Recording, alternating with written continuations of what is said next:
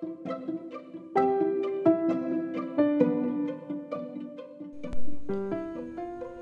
kritis dan filosofis Psikologi filosofis Gagasan formal tentang perilaku dan pikiran dalam budaya barat dimulai oleh filsuf-filsuf Yunani klasik dan dilanjutkan sampai saat ini sebagai bagian dari filsafat. Psikologi sebagai daerah yang terpisah dari studi filsafat 100 tahun yang lalu. Kesuksesan metode eksperimen dalam ilmu fisik mendorong beberapa ahli filsafat untuk berpikir bahwa pikiran dan perilaku dapat dipelajari dengan metode ilmiah. Seperti telah diuraikan sebelumnya bahwa psikologi semula tergabung dengan filsafat sehingga hal-hal yang dipergunakan dalam filsafat, misalnya metode analisis, tujuan studi, mempengaruhi psikolog. Namun, selanjutnya seperti ilmu-ilmu yang lain, demikian juga psikologi melepaskan dari diri dari filsafat. Abad ke-17 merupakan abad perkembangan ilmu perkembangan sains. Sebelum itu, ahli-ahli selalu mempelajari sesuatu dengan mencari hakikat dari sesuatu atau mencari sesuatu di balik fisis atau metafisis yang kita sebut hakikat. Salah satu tokoh zaman Yunani kuno yang terkenal dengan metode analisis metafisis adalah Aristoteles. Pada abad ke-17, cara berpikir metafisis mulai ditinggalkan oleh ilmu-ilmu empiris dan berkembanglah pandangan bahwa ilmu pengetahuan harus objektif. Artinya, harus berdasarkan sesuatu yang nyata atau harus berdasarkan sesuatu yang empiris atau sesuai dengan pengalaman. Ilustrasi tentang perkembangan pengaruh filsafat pada perkembangan psikologi tampak dalam pengaruh aliran rasionalisme dalam diri Descartes dan empirisme dengan tokohnya John Locke.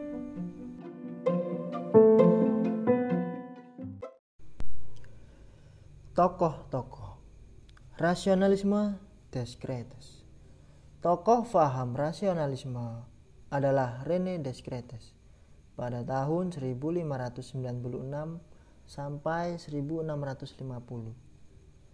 Sumbangan Rene Descartes dalam psikologi adalah menyangkut konsepsi tentang hubungan antara psikis dengan fisik.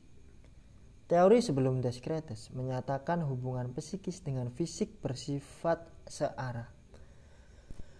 Artinya, psikis mempengaruhi badan, tetapi badan tidak mempengaruhi psikis.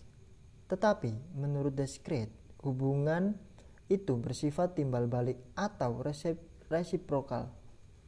Psikis mempengaruhi fisik, sebaliknya fisik juga mempengaruhi psikis. Menurut Descartes, Psikis itu hanya mempunyai satu fungsi yaitu berpikir. Sedang fungsi-fungsi lain dijalankan oleh fisik. Dan sebagai seorang rasionalis, Descartes lebih menitik beratkan pada peran rasio. Hal ini dapat disimpulkan dari pandangannya yang menyatakan cogito ergo sum. Artinya, karena aku berpikir, maka aku ada. Yang kedua, Empirisme John Locke Tokoh dari faham empirisme adalah John Locke pada tahun 1632 sampai 1740. Menurut John, menurut John Locke, manusia tidak dilengkapi pengetahuan apa pun pada waktu dilahirkan. Pengetahuan itu diperoleh melalui pengalaman. Anak yang dilahirkan itu seperti tabula rasa yaitu kertas putih bersih yang akan ditulisi oleh pengalaman. Locke membedakan dua macam pengalaman. Yang pertama, pengalaman yang datang dari penginderaan atau sensation. Pengertian yang datang dari penginderaan atau dari sensory input langsung berasal dari objek fisik yang datang dari lingkungan. Operasional dalam otak merupakan operasional atas dasar penginderaan. Dengan kata lain, penginderaan merefleksikan pengertian. Yang kedua, Pengalaman yang datang dari refleksi atau reflection. Fungsi kognitif merupakan refleksi dari pengertian yang tergantung pada pengalaman sensoris, pengalaman melalui panca indera.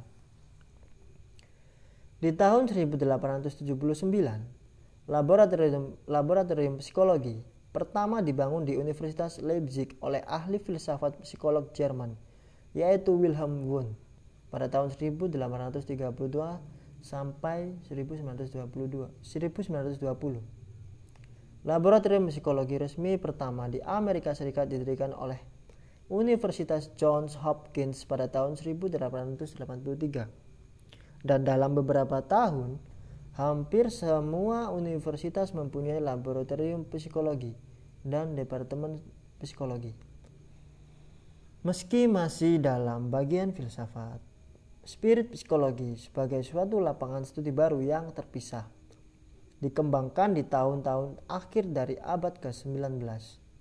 James Wundt dan ahli psikologi lain pada waktu itu mempelajari pikiran mereka melakukan percobaan untuk menemukan hukum-hukum yang menghubungkan kejadian-kejadian dalam dunia fisik ke pengalaman mental seseorang tentang kejadian-kejadian itu. Mereka mempelajari perhatian atau proses yang menyebabkan kita sadar tentang kejadian-kejadian di luar dan bukan dengan kejadian yang lain. Dan mereka melakukan banyak percobaan dalam bidang khayalan, memori, pikiran, dan emosi. Pada dekade pertama abad ke-21, para ahli psikologi sampai pada pandangan yang sangat berbeda dalam hal sifat pikiran dan cara terbaik untuk mempelajari hal itu. Pada saat itu, muncul pertanyaan mendasar. Apa yang seharusnya dipelajari psikologi? Haruskah psikologi mempelajari pikiran? Haruskah mempelajari perilaku? Atau mempelajari keduanya, pikiran dan perilaku. Perbedaan pengaruh ahli-ahli psikologi menyebabkan perbedaan dalam sudut pandang dalam memandang pikiran dan subjek materi yang sesuai bagi psikologi. Berbagai pendekatan dan aliran dalam psikologi. Stru, strukturalisme. Sekolah psikologi awal ini tumbuh karena gagasan Wilhelm Wundt di Jerman dan didirikan di Universitas Cornell di Amerika Serikat oleh murid Wundt, Edward P. Teichner pada tahun 1867 sampai 1927. Tujuan dari aliran strukturalis adalah untuk menemukan unit-unit atau elemen-elemen yang membangun pikiran. Mereka berpikir seperti di ilmu kimia. Langkah awal dalam studi adalah mendeskripsikan suatu fondasi atau dasar, unit-unit sensasi, kesan, dan emosi yang menggabungkan hal itu. Contohnya, ahli strukturalis melakukan eksperimen untuk menemukan dasar sensasi seperti merasa dingin, manis dan wangi, yang, membes, yang memberi dasar untuk eksperimen mental yang lebih kompleks. Metode pikiran yang digunakan oleh ahli strukturalis menemukan unit-unit dasar dari pikiran adalah introspeksi. Subjek dilatih untuk subjektif, mungkin apa yang mereka alami dalam hubungannya dengan suatu stimulus tertentu. Contohnya, subjek diberi cahaya berwarna, suara atau bau dan diminta untuk menerangkannya secepat mungkin Eksperimen ini menggunakan introspeksi yang memberi kita informasi yang besar tentang jenis sensasi yang dimiliki manusia. Tetapi ahli psikologi yang lain pada saat itu keberatan dengan gagasan itu bahwa pikiran dapat dipahami dengan penemuan dasar-dasar dan hukum-hukum kombinasi dari itu. Fungsionalisme atau psikologi fungsional William James 1842 sampai 1910 merupakan pelopor psikologi fungsional di Amerika. Psikologi fungsional memandang psikis atau mind sebagai fungsi atau sesuatu yang digunakan oleh organisme untuk menyesuaikan diri atau beradaptasi dengan lingkungannya. Karena itu, psikologi fungsional mempunyai pandangan yang berbeda dengan psikologi struktural dari Wan. Psikologi fungsional mempelajari psikis tidak bertitik tolak pada komposisi atau struktur mental yang terdiri dari elemen-elemen, tetapi dari proses mental yang me mengarah pada akibat-akibat yang praktis. Salah satu teori James yang sangat populer adalah teori mengenai emosi. Menurutnya, gejala kejasmanian merupakan sebab timbulnya emosi pada waktu yang bersamaan, se seorang ahli fisiolog Denmark yaitu Karl Lenz mengajak, mengajukan teori yang sama dengan teori James. Sehingga teori itu lalu dikenal sebagai teori James Lange tentang emosi. Teori ini pada umumnya dipandang sebagai teori yang lama dan kontroversial dibandingkan dengan teori-teori emosi yang lain. Ahli fungsionalis lainnya seperti John Dewey James R. Angel dan Harvey Carr di Universitas Chicago berpendapat berpendapat bahwa psikologi seharusnya mempelajari apa yang dilakukan pikiran dan perilaku. Khususnya, mereka tertarik dalam kenyataan bahwa pikiran dan perilaku itu adaptis, adaptif. Mereka dapat secara individual menyesuaikan lingkungan yang berubah.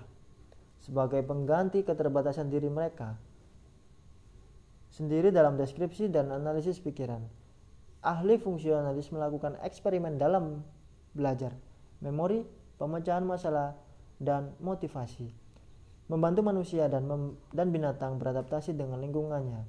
Jelasnya, seperti nama dari sekolahnya yaitu fungsionalis. Ahli psikologi mempelajari fungsi pikiran dan perilaku. Behaviorisme atau psikologi behavior, behaviorisme.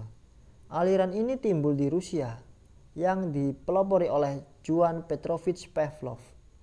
Juan Petrovich Pavlov, para ahli behaviorisme termasuk Pavlov ingin meneliti psikologi secara objektif, yaitu yang dapat diobservasi secara nyata. Karena menurut mereka kesadaran tidak dapat diobservasi secara langsung. Pavlov menolak digunakan metode introspeksi karena tidak dapat diperoleh data yang objektif. Pavlov ingin merintis objektif psikologi. Oleh karena itu, metode introspeksi tidak digunakan. Ia mendasarkan eksperimennya pada keadaan yang benar-benar dapat diobservasi atau observed fact.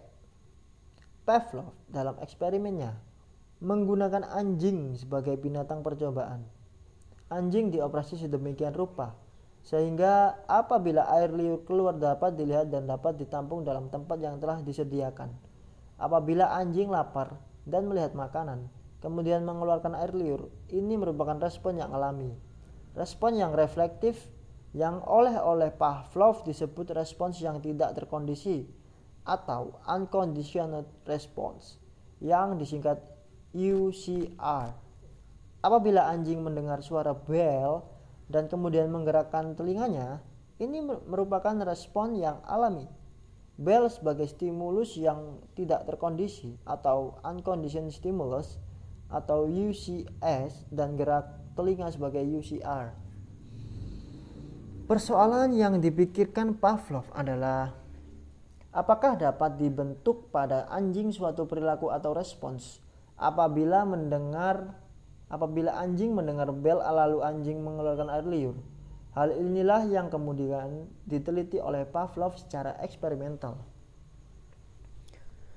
Ternyata perilaku tersebut dapat dibentuk dengan cara memberikan stimulus yang tak terkondisi atau unconditional stimulus atau UCS yaitu makanan ber, Makanan berbarengan dengan diberikan stimulus yang alami atau tidak terkondisi unconditioned stimulus atau UCS yaitu bunyi bel. Makanan UCS yang diberikan bersama dengan bunyi bel menjadi conditioned stimulus atau CS menyebabkan timbulnya respons terkondisi conditional response atau CR yaitu keluar air liur Setelah hal tersebut diberikan berulang-ulang, air liur tetap keluar sekalipun makanan tidak diberikan.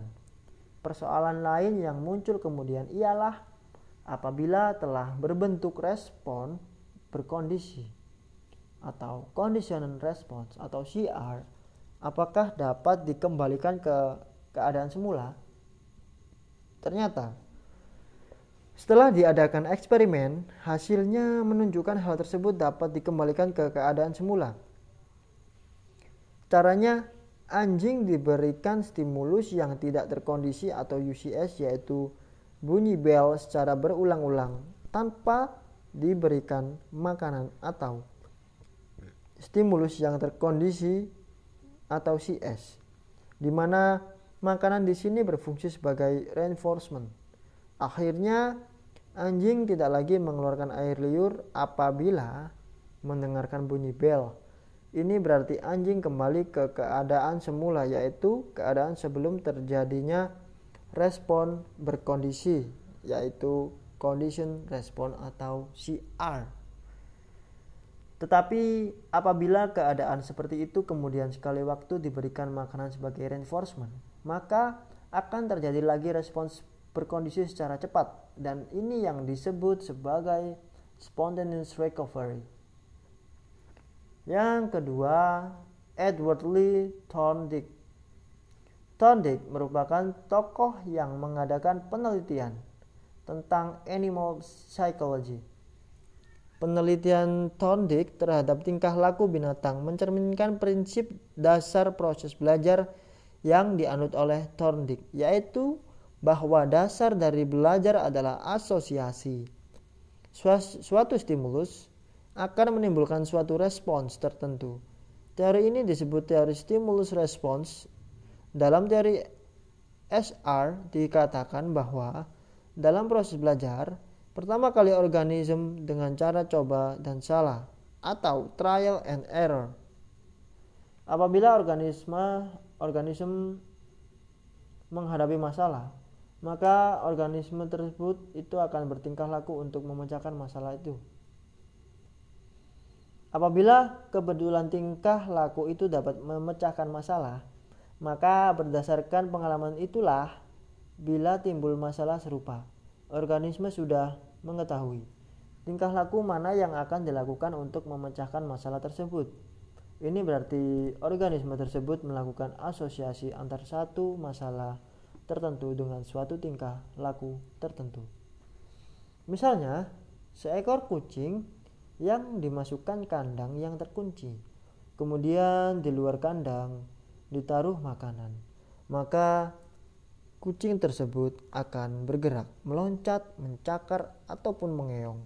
Sampai suatu saat, secara kebetulan, ia menginjak suatu pedal sehingga pintu kandang itu terbuka. Sejak itu, kucing akan langsung menginjak pedal apabila dimasukkan dalam kandang. Dari eksperimennya, Thorndike mengajukan tiga macam hukum yang sedang di, yang sering dikenal sebagai hukum primer dalam belajar, yaitu yang pertama, hukum kesiapan atau the law of readiness. Belajar yang baik memerlukan adanya kesiapan dari organisme yang bersangkutan. Apabila tidak ada kesiapan, maka hasil belajar tidak akan baik. Yang kedua, hukum latihan atau the law of exercise. Menurut Dor menurut Thorndike, hukum latihan ini ada dua aspek, yaitu The law of use yaitu hukum yang menyatakan bahwa hubungan antara stimulus dan respons akan menjadi kuat apabila ada latihan atau sering digunakan. Yang kedua, the law of disease yaitu hukum yang menyatakan bahwa hubungan antara stimulus dengan respons akan menjadi lemah apabila tidak ada latihan atau tidak sering digunakan. Hukum efek atau the law of effect yaitu hukum yang menyatakan hubungan antara stimulus dan respons menjadi kuat atau lemah tergantung pada hasil yang menyenangkan atau tidak. Apabila suatu stimulus memberikan hasil yang menyenangkan atau memuaskan, maka hubungan antara stimulus dengan respons menjadi kuat. Demikian pula sebaliknya apabila hasil stimulus tidak menyenangkan, maka hubungan stimulus dengan respons menjadi lemah. Tetapi kemudian Thorndike memperbarui pendapatnya tentang hukum efek dengan menyatakan bahwa reward atau pemberian imbalan akan meningkatkan akan meningkatkan eratnya hubungan stimulus respon. Karena itu reward dan punishment tidak menunjukkan efek yang simetris. Burhus Frederick Skinner untuk menjelaskan teorinya, Skinner mengadakan suatu percobaan yang disebut proses conditioning operant. Percobaan adalah sebagai sebagai berikut. Tikus dimasukkan dalam sebuah kotak yang dibuat khusus untuk percobaan ini. Tikus akan bergerak ke sana kemari dan apabila secara kebetulan alat penekan tombol atau terinjak, maka akan keluar makanan. Makanan merupakan stimulus tak terkondisi atau UCS. Setelah percobaan ini beberapa kali diulang, tikus akan tahu bahwa dengan menekan tombol, makanan akan keluar. Maka tikus akan menekan tombol apabila membutuhkan makanan. Perbuatan menekan tombol tersebut disebut tingkah laku operant atau respons tak terkondisi atau UCR. Maka di sini merupakan reward imbalan dari tingkah laku menekan alat. Percobaan lebih lanjut, makanan diberikan lampu. Apabila tikus menekan alat dan apabila dinyalakan lampu, yang kedua yaitu selanjutnya kalau lampu tidak menyala, walaupun tombol ditekan makanan tidak diberikan. Sekarang tikus dapat membedakan kapan akan menekan alat dan kapan tidak menekan alat. Di sini lampu menjadi stimulus diskriminasi. Proses conditioning atau operant conditioning tidak jauh berbeda dari conditioning klasik atau classic conditioning dari Pavlov. Keduanya terdapat stimulus respons tak terkondisi serta stimulus respon terkondisi. Tetapi dalam percobaan Pavlov, anjing mengeluarkan air liur dalam kondisi pasif. Sedang dalam percobaan Skinner, tikus aktif mengubah situasi dengan menekan tombol demi tercapainya kebutuhan yang yaitu makanan. Karena itu, respons berkondisi atau CR yaitu menekan tombol pada waktu lampu menyala dalam percobaan.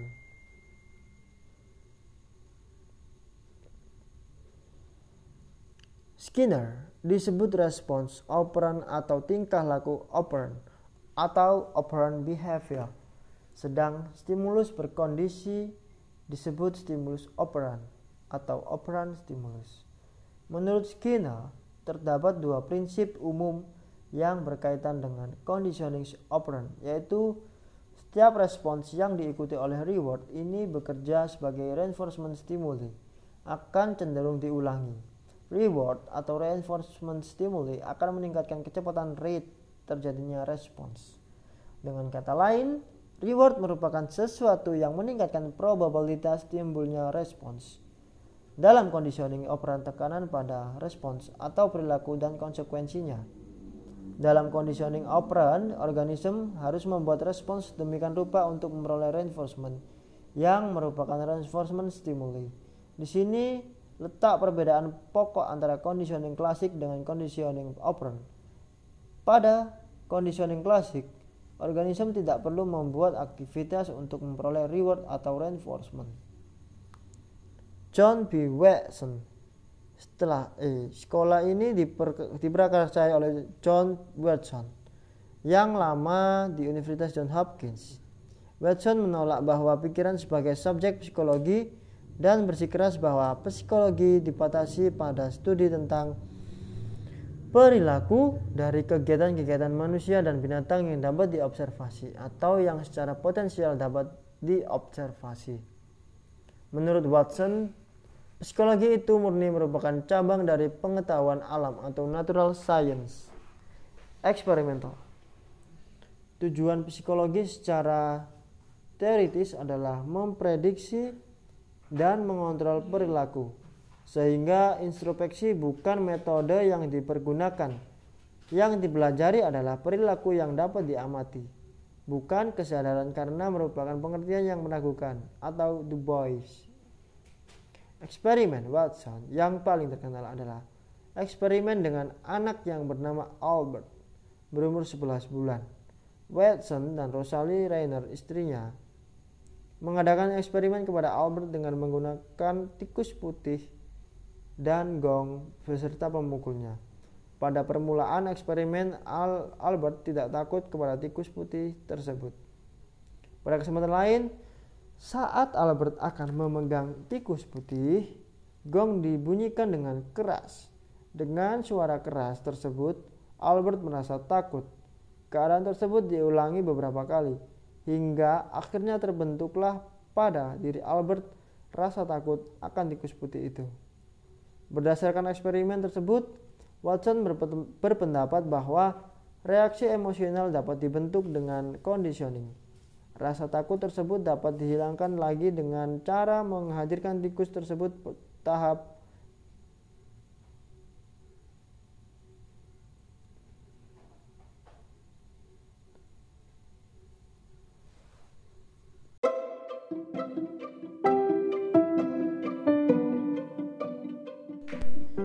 tahap demi tahap dalam situasi yang menyenangkan misalnya pada waktu Albert makan atau waktu nonton TV. Aliran perilaku mempunyai tiga ciri penting. Yang pertama, menekankan pada respon-respon yang dikondisikan sebagai elemen-elemen atau bangunan perilaku. Yang kedua, menekankan pada perilaku yang dipelajari daripada perilaku yang tidak dipelajari. Behaviorisme menolak kecenderungan-kecenderungan perilaku bawaan yang ketiga, ciri ketiga dari behaviorisme difokuskan pada perilaku binatang. Menurut Watson, tidak ada perbedaan esensial antara perilaku manusia dan perilaku binatang, bahwa kita dapat belajar banyak tentang perilaku kita sendiri dari studi tentang apa yang dilakukan binatang.